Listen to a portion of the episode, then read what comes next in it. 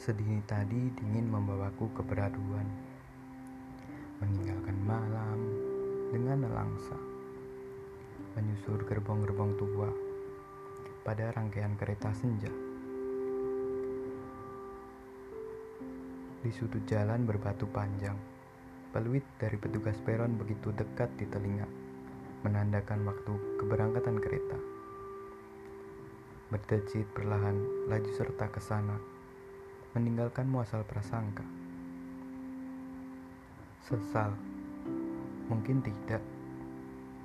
Aku lebih bisa menghargai walau begitu banyak tanya di kepala. Siang nanti mungkin akan terasa berbeda daripada siang yang telah lalu. Dapati diri yang baru. Aku rasa tidak perlu.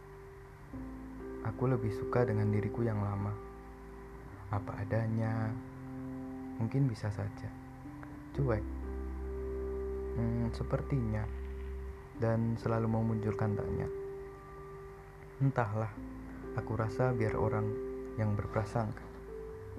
Oh iya, sampai jumpa di sana di hari tepat di mana kita bersuara dengan cara yang selalu sama.